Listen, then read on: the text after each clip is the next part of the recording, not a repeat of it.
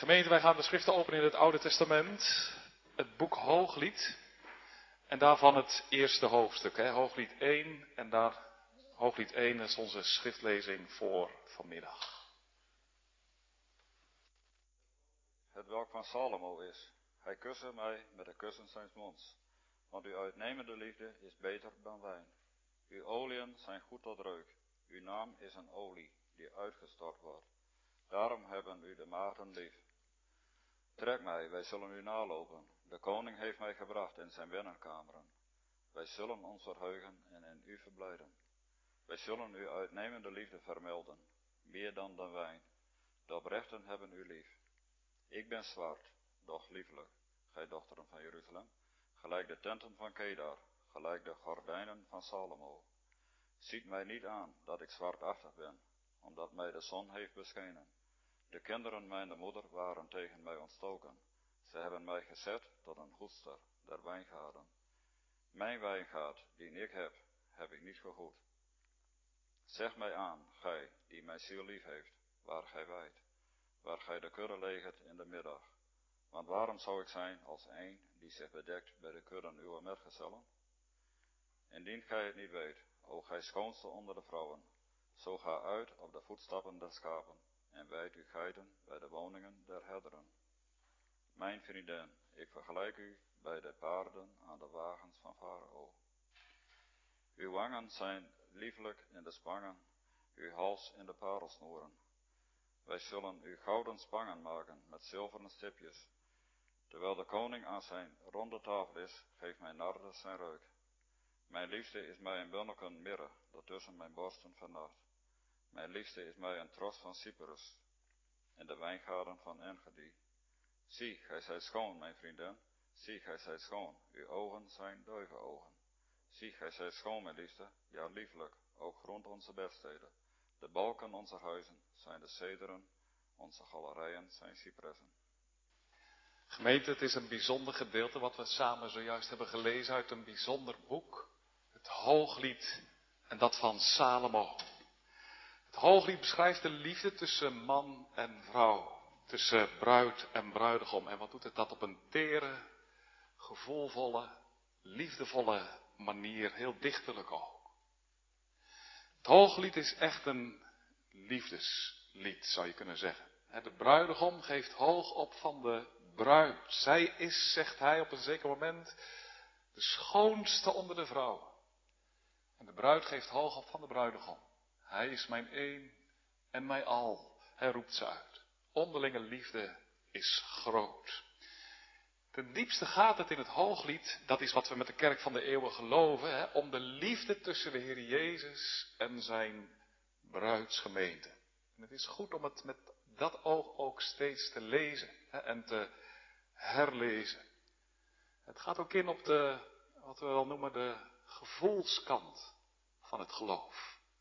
Het geloof heeft een, zoals we dat wel met een wat moeilijker begrip noemen, een affectieve kant, een gevoelskant. Het heeft een ethische kant, het uitzicht in vruchten, in gedrag, in doen en laten.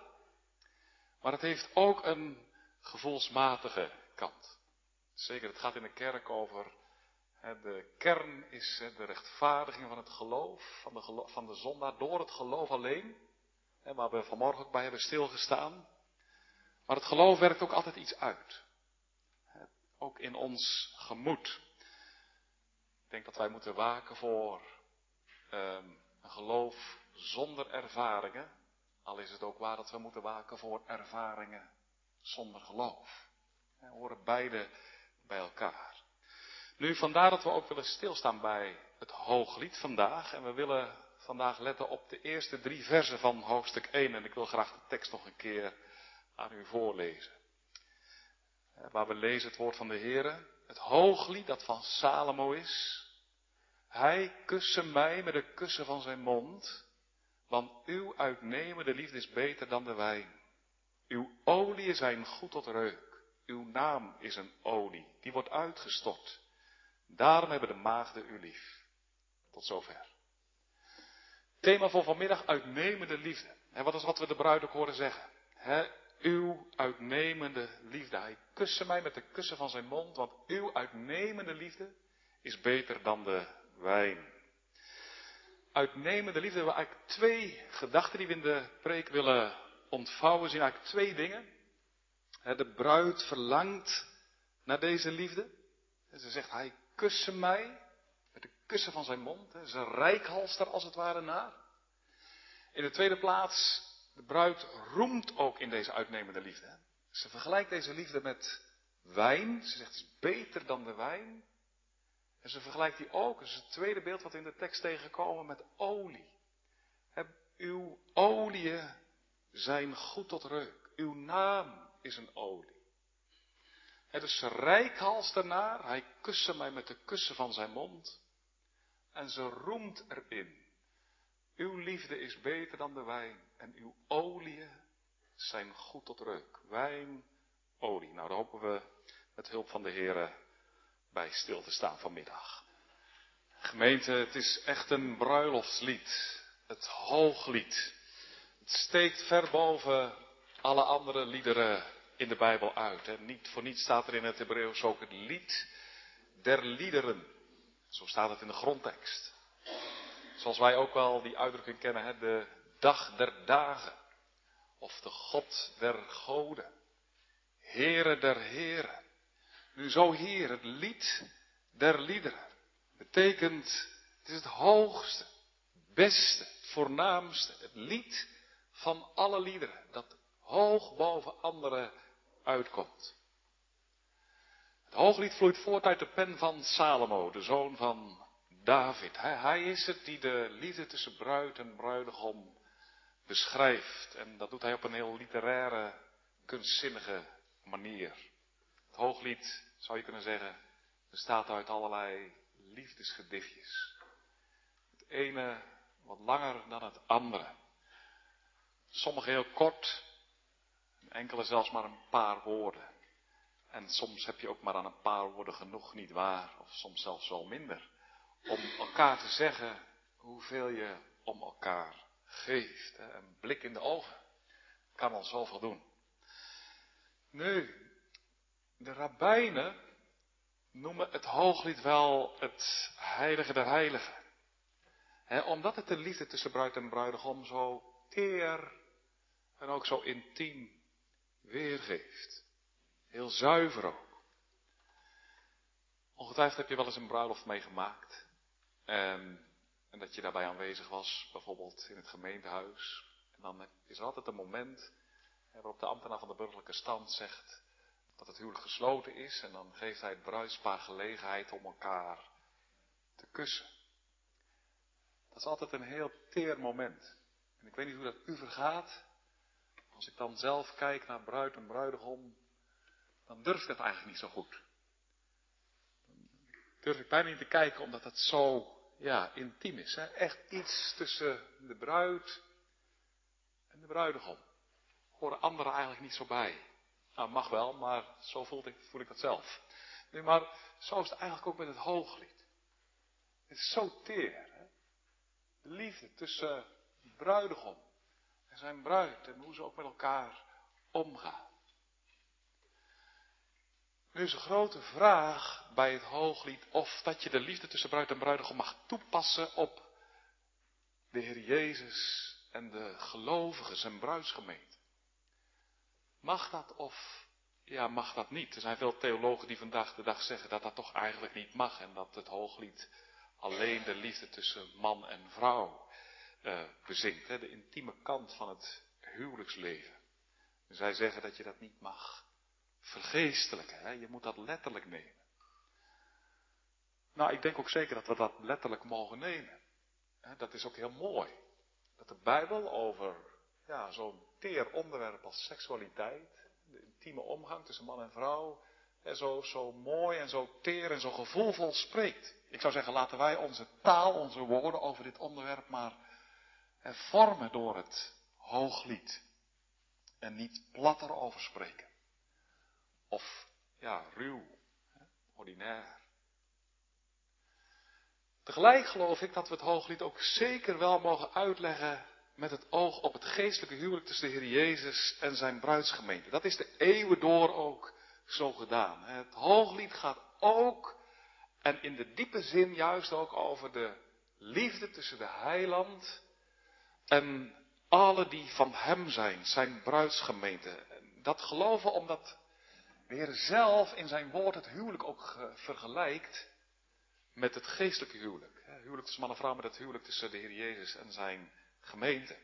Paulus, Efeze 5. Het huwelijk is zo mooi. Hij zegt, maar het huwelijk heeft een geheim, een mysterium, een mysterie. Het huwelijk dat wijst, zegt Paulus, op het geestelijke huwelijk. Tussen Christus en de gelovigen. En hij bedoelt ook te zeggen, wat prachtig, als je de liefde tussen man en vrouw ziet, zegt hij, dan mag je eigenlijk daarin een weerspiegeling zien tussen de liefde van Christus en die van zijn bruid. Nu, als dat zo is, dan geloof ik dat we zeker ook dat hooglied zo mogen uitleggen. En ook juist met het oog op Christus en zijn gemeente. En maakt dat juist ook het hooglied niet tot het lied der liederen.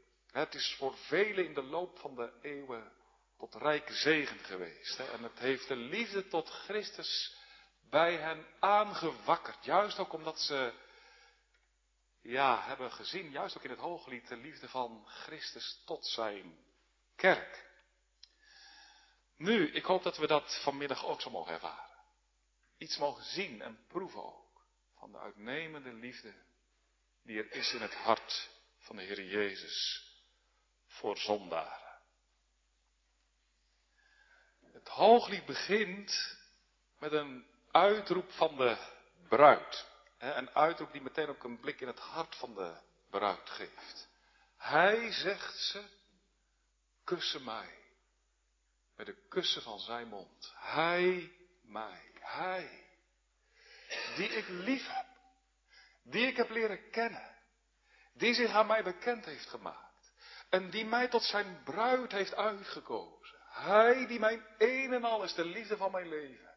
Hij kussen mij. Bijzonder deze uitroep. De bruid verlangt naar een kus van de mond van de bruidegom.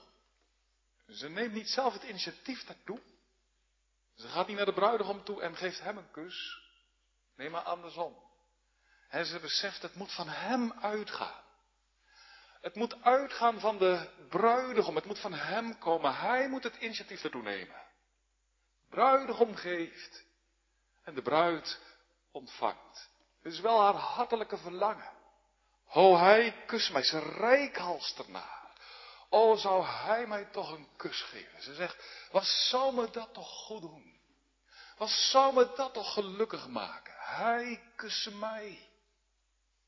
Ja, ze heeft vaker een kus gehad van de bruidegom. Blijkt wel uit het vervolg. Anders zou ze er ook niet zo naar reikhalzen. Ze weet wat het is om een kus van de bruidegom te ontvangen. Ze heeft mogen proeven al van de uitnemende liefde. Dan zegt ze, niets is me meer waard dan een kus van Hem die mijn hart heeft ingenomen. Hij kussen mij. Ja, kus, dat is echt een teken van liefde. Kinderen, jongens en meisjes, als je straks naar bed gaat, ja, dan ga je toch niet zonder, zonder een kus van pa en ma naar bed, toch? Ja, ik wil wel gaan slapen, maar ik wil wel ook een kus. Voordat ik onder de dekens wegkruip. Toch? Eerst een kusje wel, hè. Een kus is een teken van liefde. Van innige liefde. Verbondenheid. Je hoort bij elkaar. Een kus is een teken van wij zijn samen één.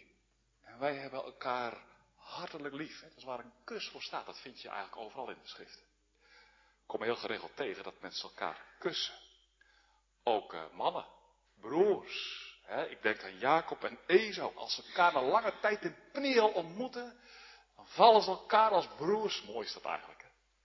Als je elkaar als broers om de hals valt en elkaar kust. Denk ook aan Jozef. Jozef verkocht door zijn broers. Weg met jou. Komt in Egypte terecht en wordt dan onderkoning. En dan wordt hij daar gebruikt tot zegen. Hij mag dat grote volk in leven gaan houden met koren. En als hij zich dan aan zijn broers op een zeker moment, altijd een heel teer moment, bekend maakt, dan zegt hij iedereen weg. Dan is hij apart met zijn broers. En dan gaat hij ze alle elf langs. En dan geeft hij ze alle elf een kus. Liefde, verbondenheid. Aaron kust Mozes. als, als Mozes van God de opdracht krijgt om dat grote volk uit Egypte uit te leiden en dat niet durft, komt Aaron hem tegemoet. Beide broers kussen elkaar. Samuel kust David als hem gezalfd heeft tot koning over Israël.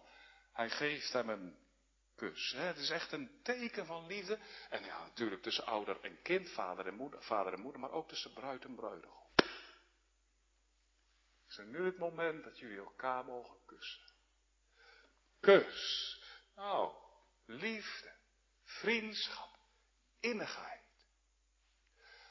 De bruid verlangt ernaar. Maar oh, hoeveel te meer de geestelijke bruid.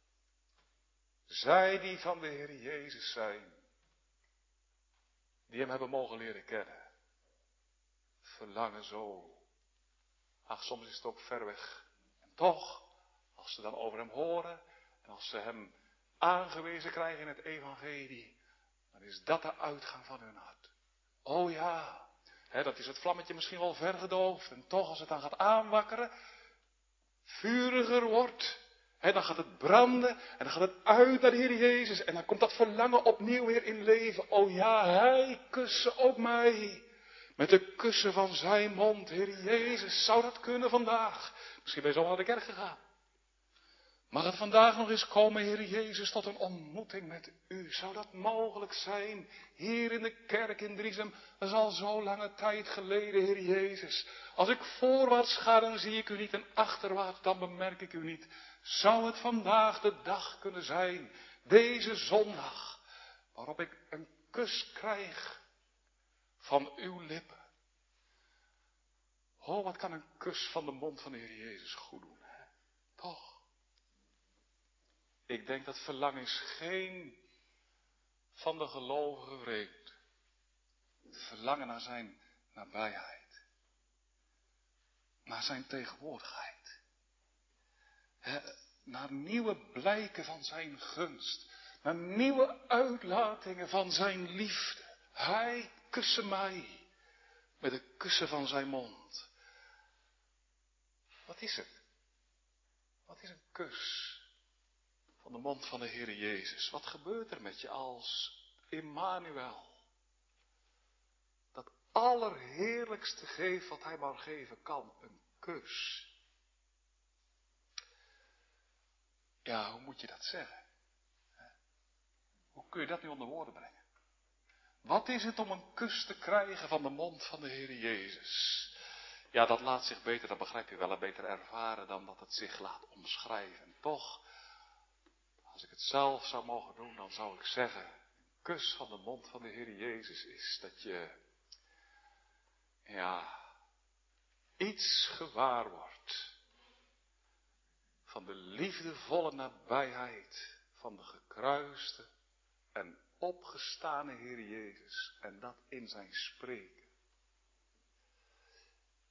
Dat je, dat je, dat je gelooft, ja, hij komt tot mij, hij spreekt en hij is niet ver weg, maar zeer nabij.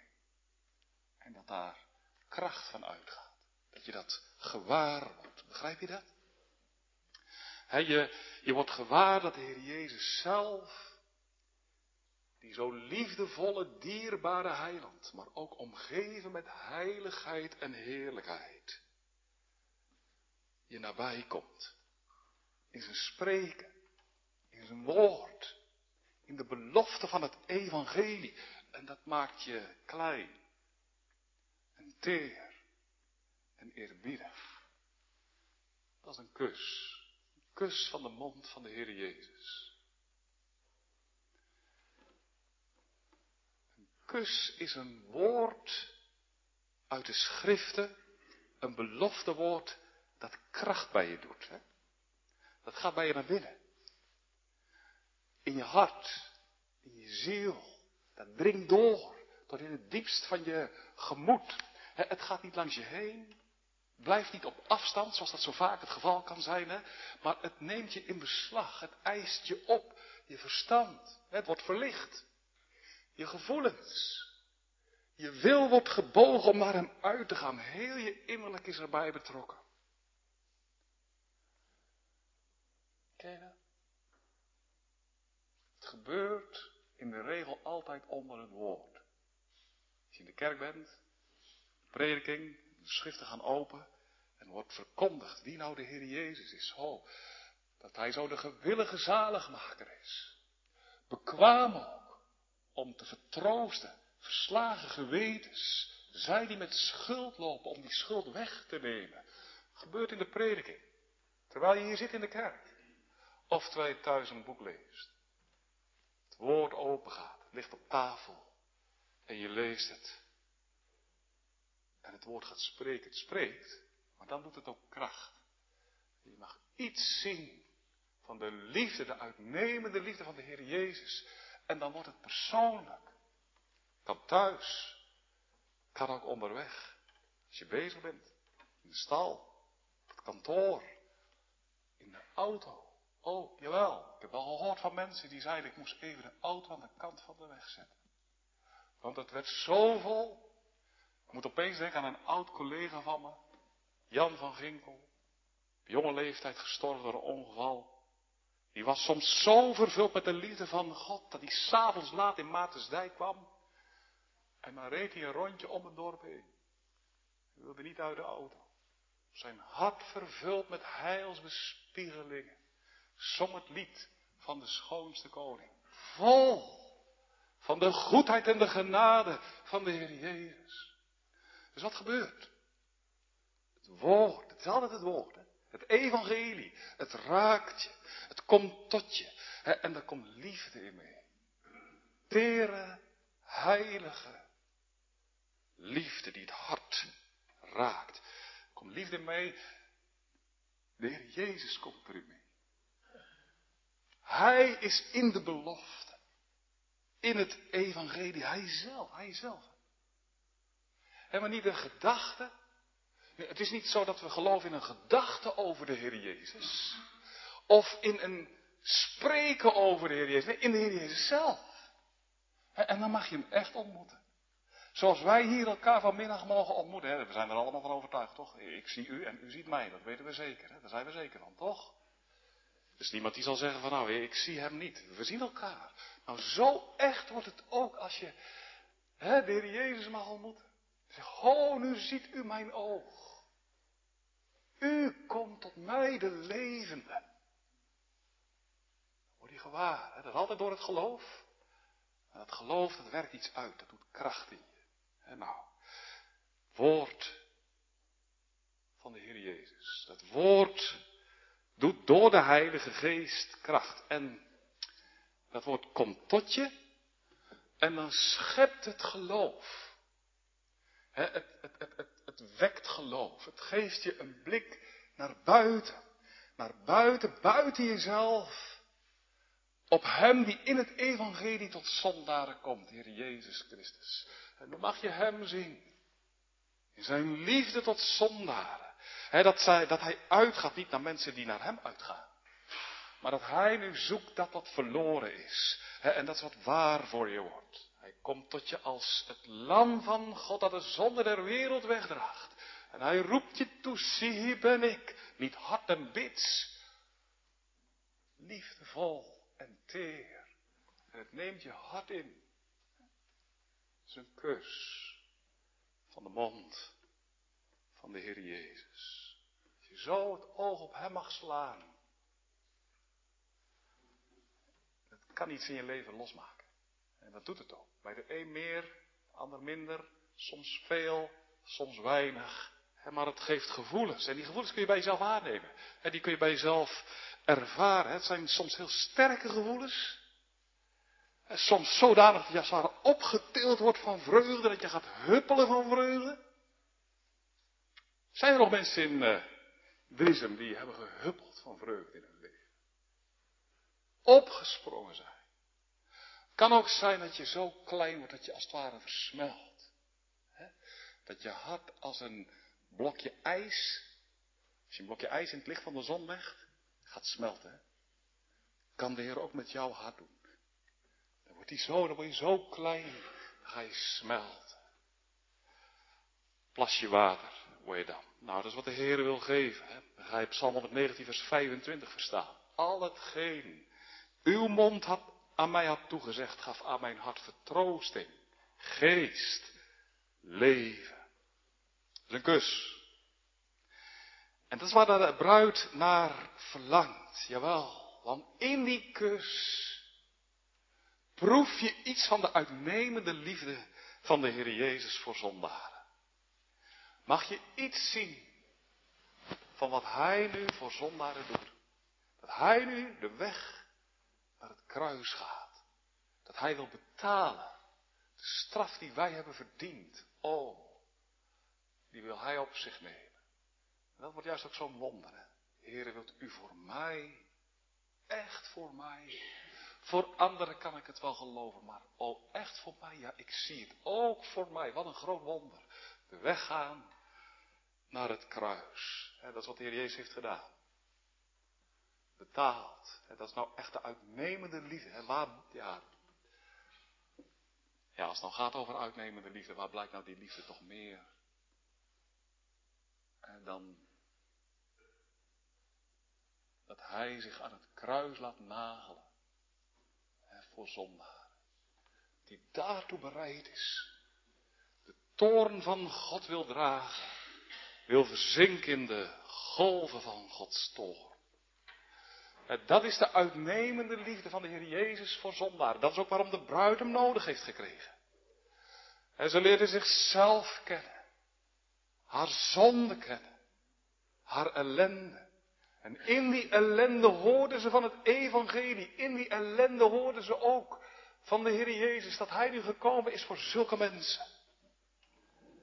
En toen ze hem mocht ontmoeten door het evangelie, toen is ze werkelijk opgesprongen van vreugde. En toen heeft ze mogen proeven van zijn liefde. En als je hebt mogen proeven van zijn liefde, dan weet ik zeker, dan verlang je er van naar meer. Als je kus van hem hebt mogen ontvangen, dan wil je opnieuw een kus krijg je geen genoeg van. Dan geeft een heimwee. Nu, dat is wat we zien hè, bij de bruid. O, hij kussen mij. Mag ik u vanmiddag vragen? Ken je dat ook? kus van de mond van de Heer Jezus. Heb je daar ook weet van? Dat je een kus hebt ontvangen in de nood van je leven. Toen je niks, geen uitkomst meer zag misschien. Alles vastliep. Zeg, oh, hoe moet het nu? Dat hij door het woord aan je ziel verscheen. En dat hij tot je sprak. Hij je kuste. Iets meedeelde van zijn uitnemende liefde. Ken je dat? Ging het toen door je heen? Dat kan ik niet zeggen. Nou, probeer het eens. Vertel eens. Hoe was dat voor je? Toen je iets mocht proeven van zijn liefde. Wanneer was het? En wanneer was het voor het laatst? Dat je iets van hem mocht smaken. Hè? Onze vaders die zeggen dan altijd. Smaakt en ziet dat de Heer goed is. En als je iets van hem mag smaken, het smaakt zoet. Niet bitter. De genade van de Heer Jezus smaakt zoet. Zoete genade. Maar wanneer? Moet je over spreken met elkaar. Echt. Spreek, hoort wat mijn God heeft ondervinden, wat Hij gedaan heeft aan mijn ziel. Ik denk wel eens, er wordt er weinig over gesproken met elkaar. Hè? Denk je dat ook niet? Dat denk ik wel hoor. Kijk, wij zijn vandaag de dag heel erg druk met wat wij moeten doen en zo. Hè, en hoe we moeten leven. Nou, dat is ook heel goed. Hè, de, de morele, ethische kant hè, van het geloof. Hè, het geloof dat uitzicht in een nauwe handel en wandel. En nou, er zijn vandaag de dag ook heel veel vragen. En het is goed om daarover te spreken met elkaar. Hoe ga je hiermee om? Hoe ga je daarmee om? Wat vraagt de Heer van ons? Dat is ook een kant van het geloof, hè? Maar, maar de gevoelskant is er ook. Hè? Tuurlijk, de een meer dan de ander, dat is ook zo. Maar toch, spreek ook eens van wat je hebt mogen proeven. van de genade en de goedheid van de Heer. Ken je van een kus? Ik moet denken aan de oma van mijn vrouw. Die jaagt al vele jaren voor de troon van de Heer. Ik heb ze leren kennen toen wij verkering kregen. En na twee, drie jaar, denk ik ongeveer, was, is ze uh, overleden. Zij mag juichen aanzitten aan de bruiloft. De tafel van de bruiloft van het lam. Zij was 18 jaar ongeveer toen ze de Heeren leren kennen. En uh, ze vertelde eens dat ze een predikant hoorde uitleggen wat nu een kus is van de mond van de Heer Jezus. En dat hij er zo vertelde dat het woord dan kracht doet. Hè, en dat de Heer dan zelf nabij komt. En toen zegt ze, ach, zegt ze, is dat een kus? Is dat een kus van de mond van de Heer Jezus? Ze zei, wat heb ik er dan al veel gehad? Wat heb ik er dan al veel gehad? Ja, zij wist van genade. En ook van de opzoekende liefde van de Heer Jezus. En dat hij tot haar sprak.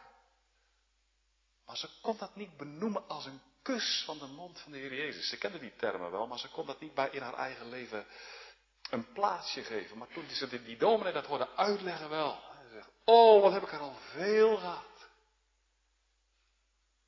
U ook. Hebben u ook mogen proeven van de goedheid en de genade en de opzoekende liefde van de Heer Jezus in je leven. O kostbare momenten, nietwaar? Onwaardeerbaar. Een kus van Jezus zelf. De meest beminnelijke persoon die ooit op aarde heeft geleefd. De meest beminnelijke persoon die in deze ogenblikken zit. Aan de rechterhand van de Vader. Kus van zijn mond kan zoveel liefde met zich meebrengen. Kan je werkelijk. We hebben een vriend. Te Veluwe. Liep vaak in duister. Wist vaak geen weg. Toen we hem leerde kennen, hij zegt, ik heb heel veel last van vertwijfeling. Dan weet ik niet hoe, het moet en hoe het is. Zegt, totdat de Heer op een dag zo krachtig sprak. En vanuit Galaten 2. Hij stond op. Hij zegt, ik was aan het werk. Ik had even pauze. Hij stond op. Hij zegt, en, en, en ik moest me vasthouden aan de tafel. Want, want, want er kwam zoveel liefde mee. Ik was dronken vanwege de liefde van de Heer Jezus Christus. Dat kan. He, dat je dronken wordt. Ik heb dat hier ook wel iemand horen zeggen ooit. Over zijn vader, meen ik. Dat de vrouw, vrouw aan hem vroeg van, joh, moet je niet gaan slapen, want je blijft maar wakker. Ja, zegt hij maar, hier word ik niet moe van. Ik mag zo proeven van de liefde. Ik word er niet moe van. Ik heb ook wel eens iemand horen zeggen, die zei van, heren, zou u niet wat willen matigen, wat minder? Want, want, want mijn lichaam kan er niet aan. Hè? Zo vol. Ik heb ook wel eens horen, ja, dan zou je zeggen, nou ja, dan blijf je ermee komen. Maar ik heb ook wel eens iemand horen zeggen, en die zei van, dat vroeg ik ook. Heren, dat, die had zoveel gevoel van de nabijheid van de Heer Jezus. O Heer, zou ik niet willen wat matigen, want anders dan kan ik het niet dragen. Hij zegt, maar ik had anders moeten vragen. Heer, zou mij meer kracht willen geven, dan had ik het kunnen volhouden. Nu ben ik het wat kwijt. Maar zie, dat is wat de Heer wil doen. Bij de een meer, de ander minder. Maar is dat dan niet waar je ook naar verlangt? Iets te mogen proeven van zijn goedheid. Misschien zeg je vanavond wel ja. Ik vind het wel heel mooi dat u dat vertelt over anderen, maar bij mij brengt dat juist zoveel vertwijfeling teweeg. Dan denk ik van ja, dat geloof ik nou echt wel voor anderen, maar zou dat nou ooit ook in mijn leven kunnen? Daar heb ik zo weinig hoop op. Dan denk ik van ja, anderen, ach ja, maar is dat ook mogelijk voor mij? Wel, de Heer wil het zeker doen. En dat is wat ik je ook graag wil meegeven. En wat ik ook graag wil meegeven is dat wat ik zelf ooit las toen ik nou ja, met deze dingen ook liep. Uit de geschriften van Ralf en Ebenezer Erskine. Er waren twee broers, godsgezant in de kerk van Schotland, 18e eeuw, voor velen een lijstman tot de Heer Jezus. ze hebben dagboeken nagelaten. En in die dagboeken kun je lezen over hun omgang met de Heer. En zij kenden tijden van echt verlevendigingen.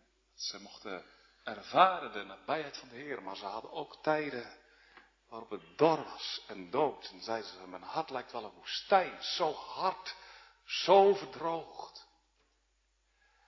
Wat deden die mannen? Ralf en Ebenezer Erskine, dat is wat ik graag ook meegeef.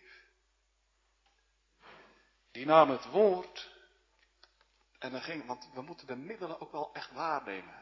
Die namen het woord en dan gingen ze hun binnenkamer in, zonderden ze zich af. En dan gingen ze naar het woord en dan zeiden ze, heren, mijn hart is zo hard. Maar hier zegt u toch, hier in Ezekiel 33, ik zal het stenen hart uit u wegnemen. En ik zal u een vlezen hart geven. En dan legden ze voor de Heer neer en dan worstelden ze in de gebeden. En dan gebeurde het, hè. Dat de Heer meekwam in dat woord. En dat de Heer inderdaad nabij kwam en ze mochten ervaren dat Hij leeft. Hè? En, en, en, dat Hij een waarmaker ook is van zijn woord. Het stenen hart kan wegnemen en een vlezen hart kan weg kan geven. Of als dan het woord geen kracht deed, hè, dan bladerden die mannen door in hun Bijbeltje naar een andere belofte. En dan lazen ze en dan legden ze hun vinger bij en dan zeiden ze, hier staat het toch, Heer.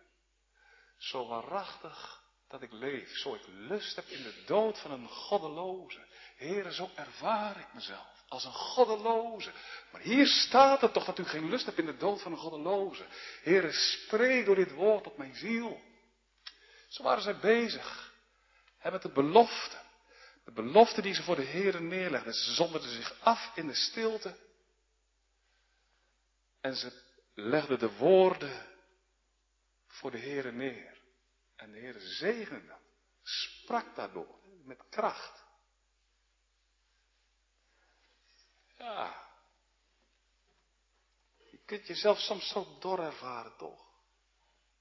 Ja, niet? Van, ik lijk wel een doorn. Doorn. Soms ook zo geprikkeld. Nou, daar heb ik geen last van. Ja, dat hebben we allemaal. De een natuurlijk, een meer dan ander, maar dat is zo, zo, zo doornig. Ja, heren. Ik weet met mezelf eigenlijk geen weg. En dan moet je het woord ingaan. Daar staat het, Jesaja 55. Voor een doorn zal een dennenboom opgaan. O Heere, doe zoals u spreekt. Het kan hoop geven, moed. Als de Heer daarin meekomt, hè, dan mag je zien op de kracht en de macht en de liefde van de Heer. Dat Hij nou voor doornen en distels gekomen is. En dat Hij die wil vernieuwen. Dat Hij daartoe de macht en de genade heeft. Zie. Nu, dat is wat Hij doet. Hè? En ga zo hè, de binnenkamer in. Leg je hart voor de Heer neer. Leg het open hè, en wijs de Heer op zijn beloftewoord. En als, als de Heer daarin meekomt en zijn kracht eraan verbindt, dan mag je ervaren ook hè, wat het is om een kus van de mond van de Heer Jezus te ontvangen. Ja, dan wordt het eigenlijk zoals we zongen hebben, Psalm 45. Gena is op uw lippen uitgestort. Nu zie je ook vandaag hè, hoe de Heer zelf ook nodigt vanuit het woord. En hoe hij zichzelf bekend maakt. Hij zegt, ach, al wat je ontbreekt, schenk ik zo het smeekt, mild en overvloedig. Nu zo rijkhalst de bruid naar een kus van de mond van de Heer Jezus. En ze geeft hoog van de liefde van Christus op. En wat we ook zien, is dat ze er in roemt. Roemt in de liefde van Christus. Ze zegt, die liefde is beter dan de wijn. Dat is het eerste beeld wat ze dan gebruikt. Wijn kan je goed doen. Je moet het natuurlijk altijd met mate gebruiken. Niet te veel, maar wijn geeft een zekere verlichting. Vreugde ook. Hoeveel te meer doet de liefde van Christus dat? De liefde van Christus geeft verlichting. Als Hij je toch laat zien wie Hij is. Dat Hij de wet volkomen heeft vervuld in de plaats van zondaren. En als je ook mag zien Dat hij de straf heeft gedragen. En dat God nou niets van je vraagt. Geen enkele bijdrage. Geeft dat geen verlichting? Dat maakt je licht, toch? Heel licht. Er was een keer een vrouw in Staphorst, die zei het. Bekeerde vrouw. Had grote achting in Staphorst. Ze zegt, ik ben zo licht, zo licht. Ik hoef niks te doen om zalig te worden. Christus heeft alles volbracht. O, die liefde van de Heer Jezus Christus. Die is uitnemender dan de wijn. De wijn die het hart verlicht, vreugde geeft. Altijd met mate, hè? Daar gaan we vanmiddag niet verder op in, maar wijn die het hart verlicht. Zo verlicht de liefde van de Heer Jezus onze ziel. Daar kan geen wijn tegenop. De beste wijn niet. Geen aardse vreugde kan daar tegenop. Oh nee, die liefde van de Heer Jezus Christus is zo dierbaar, zo kostbaar, zo alles innemend. Hij was gehoord van een ledenboer uit Benthuizen. Die man die kocht een groot stuk grond, dat was een rijke dominee, die waren er ook nog. Was een rijke dominee met veel, veel bezit. En die kocht een groot stuk land. En toen vroeg zijn ouderling, laat me het eens zien. En samen op pad, toen keerde die man halverwege, hij bleef staan en zegt van ja, we gaan daar maar niet heen. Want ja, hij zegt, ons land is niet hier, maar boven. Het hemels vaderland. Nou, zegt die ouderling, maar we kunnen toch wel even gaan kijken naar dat stukje grond dat je hebt gekocht.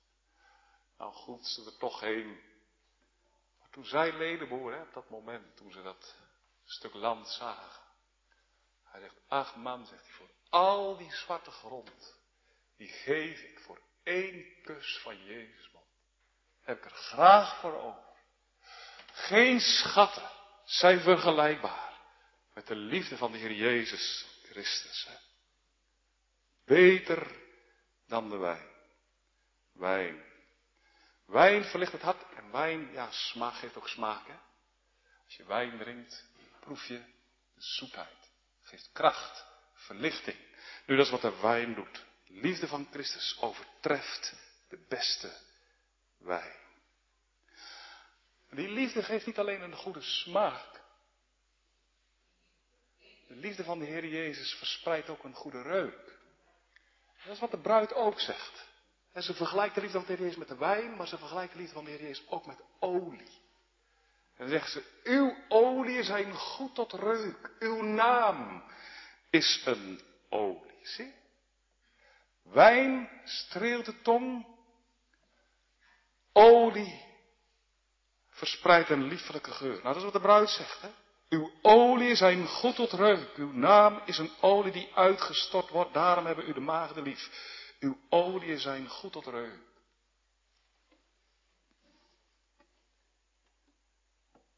Ja, zegt de bruid, als de bruidegom nabij komt. En hij bukt zich voorover om een kus te geven. Dan ruik ik het. Heerlijke parfum. Wat verspreidt hij toch een liefdevolle geur. Nou, dat is ook aangenaam hè, als je een goede geur verspreidt. Zeker. Dat was zeker ook in de tijd van Salomo zo, maar dat is ook in onze tijd zo. Het is niet fijn om zo te zeggen als je bij iemand komt en je zit naast iemand. Nou ja, je, ruikt een, een, een zweetgeur. Oh, dat vind ik niet echt aangenaam. Dan blijf je een beetje uit de buurt toch. Nou, maar zo anders als iemand een aangename geur verspreidt. Dat doet de bruidegom. En de bruid die ruikt het. Heerlijk.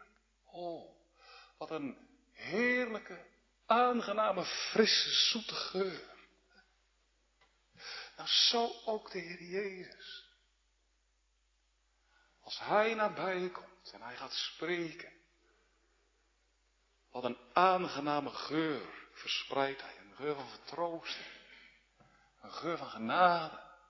Een geur van liefde, van, onbar, van, van onverdiende barmhartigheden. En, en, en, is het niet een geur die het hart in vervoering kan brengen, zodat je uitroept, zulk een is mijn liefste, zulk een is mijn al. Heer Jezus draagt een lieflijke geur bij zich en dat komt ook omdat hij gezalfd is met olie, met de olie van de Heilige Geest op een royale wijze. Dat is wat Jezaja zegt, lezen we in hoofdstuk 12. Op hem, zegt Jezaja, op de Heer Jezus, zal de geest van de Heere rusten. De geest van wijsheid en van verstand. De geest van raad en van sterkte. De geest van kennis en van vrezen des Heren. En zijn rieken, zijn reuken, zijn geuren zal zijn in de vrezen des Heren. Dat is de reuk die deze bruidegom Christus verspreidt. Gezalfd met de olie van de Heilige Geest geeft hij onderwijs. En met dat hij dat doet, verspreidt hij een aangename geur. Dan zit je zo graag aan zijn voeten.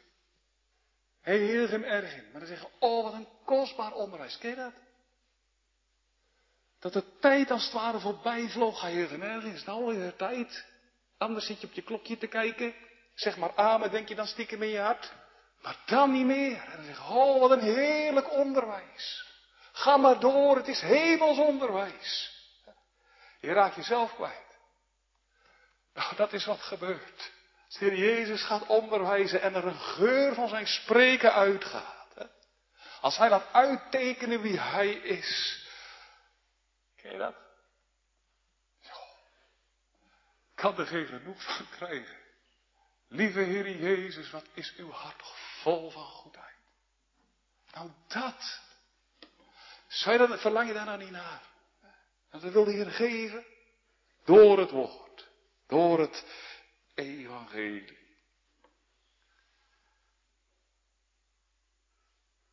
Het zijn toch aangename woorden.